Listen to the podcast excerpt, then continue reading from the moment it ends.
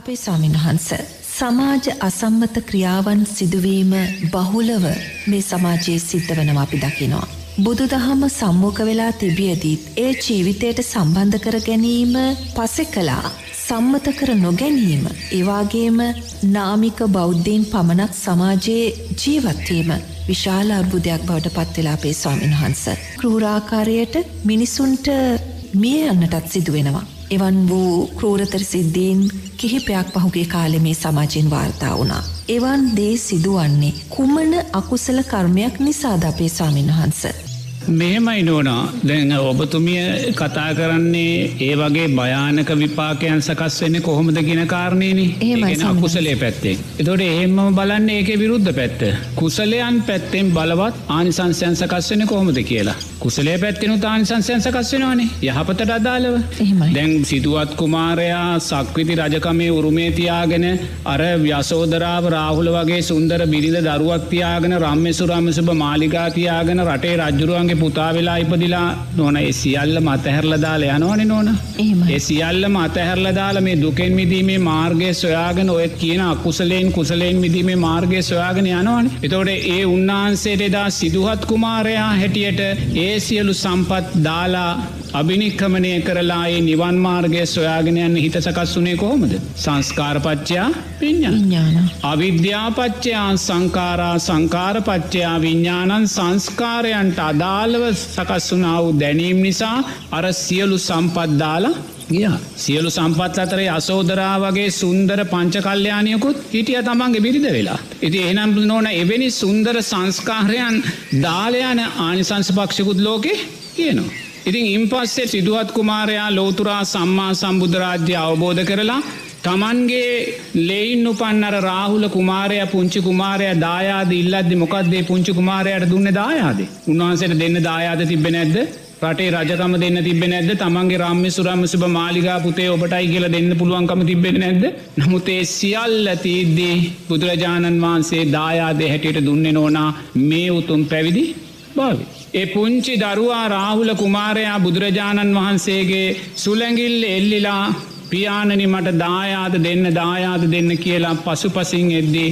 බුදුරජාණන් වහන්සේ සාරිපුත්ත මහරාතන් වහන්සේට පැවරුවේ සාරිපුත්ත මේ රාහුල මගෙන් දායාදයන් ඉල්ලනවා මට දෙන්න තියෙන ශේෂ්ඨම දායාදය මගේ දරුවෙක්කු දෙසා මගේ බිරිඳක්කු දෙසා මගේ අම්ම කෙනෙක් මගේ තාත්ත කෙනෙක්කු දෙසා මට දෙන්න තියෙන ශේෂ්ඨ දායාදය මේ උතුම් පැවිදි ජීවිතයයි කියල නෝන උතුම් පැවිදි භාවයයි ලබල දුන්නේ. ඒ තාත්තට ඒදනීම සකස්වනේ කොහොමද. දැන්ඉන්න තාත්තලා දරුවනු තනාත කරලා තවත් කොේ හරි ඉන්න දරුවෙක් දූෂණය කරලා මරල දාලා ඒත් පවුරුත් අනාත කරලා තමනුත් දිවිනසා ගන්න තැන්ට පත්වෙද්දි නෝනා අර වගේ ශේෂ්ඨ තාත්ත කෙනෙක් බිහි කළෙත් කවුද? සංස්කාරපච්චයා විඤ්ඥාන්.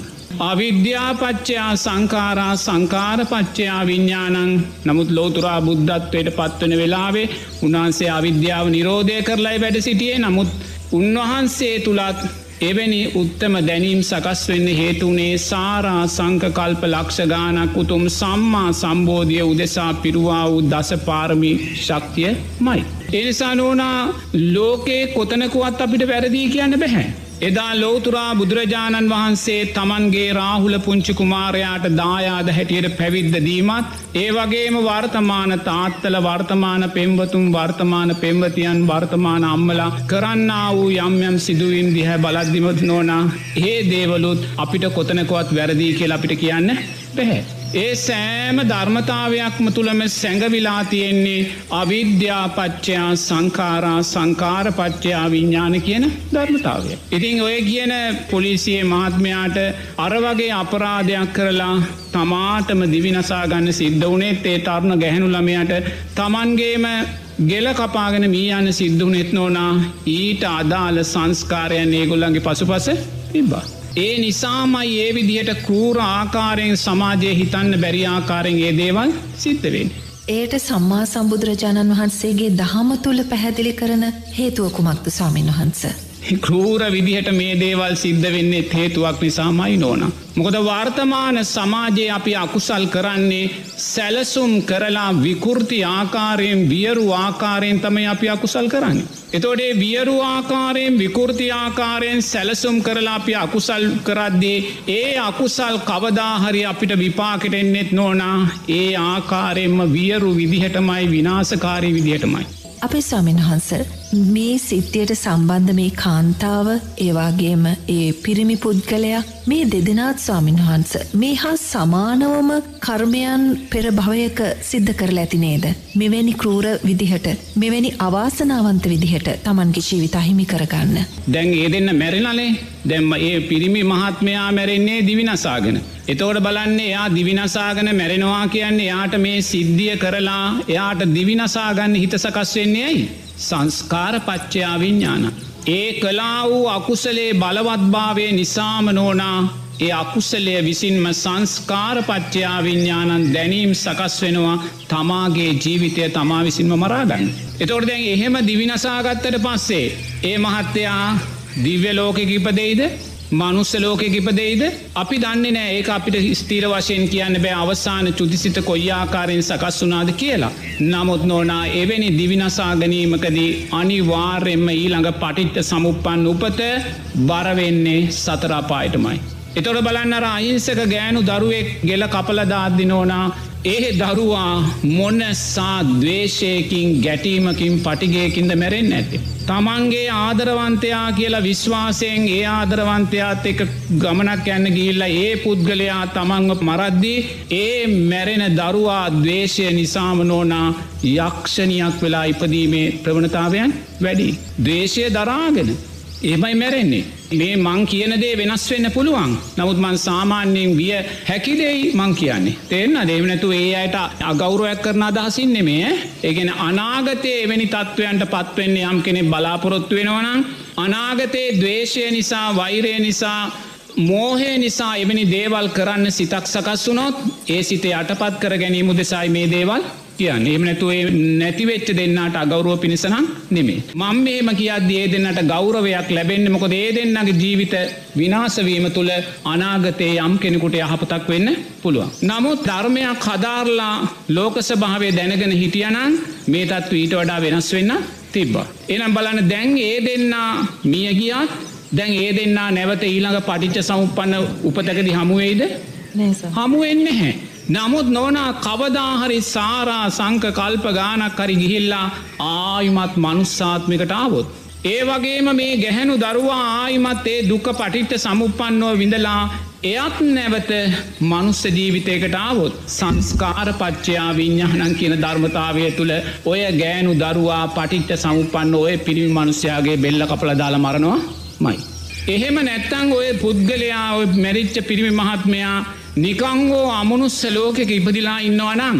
අර ගෑනු දරුවා යකින්නක් වෙලා ඉපදිලා ඉන්නවනං මේ ඊළඟ පටිච්ච සමුපන්න ජීවිතේදීම බෙල්ල මිරි කළ නැත්තං අමුවමුේ මරාදාන්න පුළුව. ඉති ඒවගේ නෝනා අවිද්‍යා පච්චයා සංකාරා සංකාරපච්චයා විඤ්ඥානන් කියන ධර්මතාවය පටිච්ච සමුපන්නෝ නෝනා උපතෙන් උපතට උපතෙන් උපතට ඒ දැනීම් අපි තුළ සකස් කරලා දෙනවා. සංස්කාරයන්ට අදාළ.